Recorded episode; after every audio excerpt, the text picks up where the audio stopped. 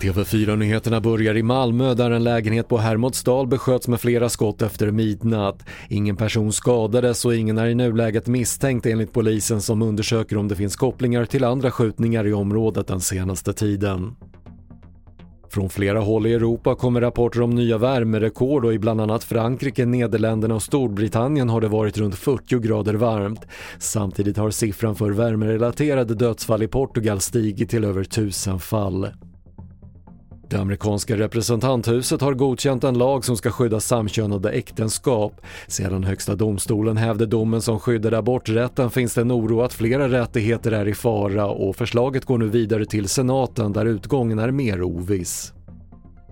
Och en valross som tagit sig ända till Finska viken har blivit en följetong i grannlandet. Efter att den vält en båt, förstört fiskutrustning och kravlat upp till ett hus lyckades veterinärer söva valrossen som transporterades till en djurpark i Helsingfors.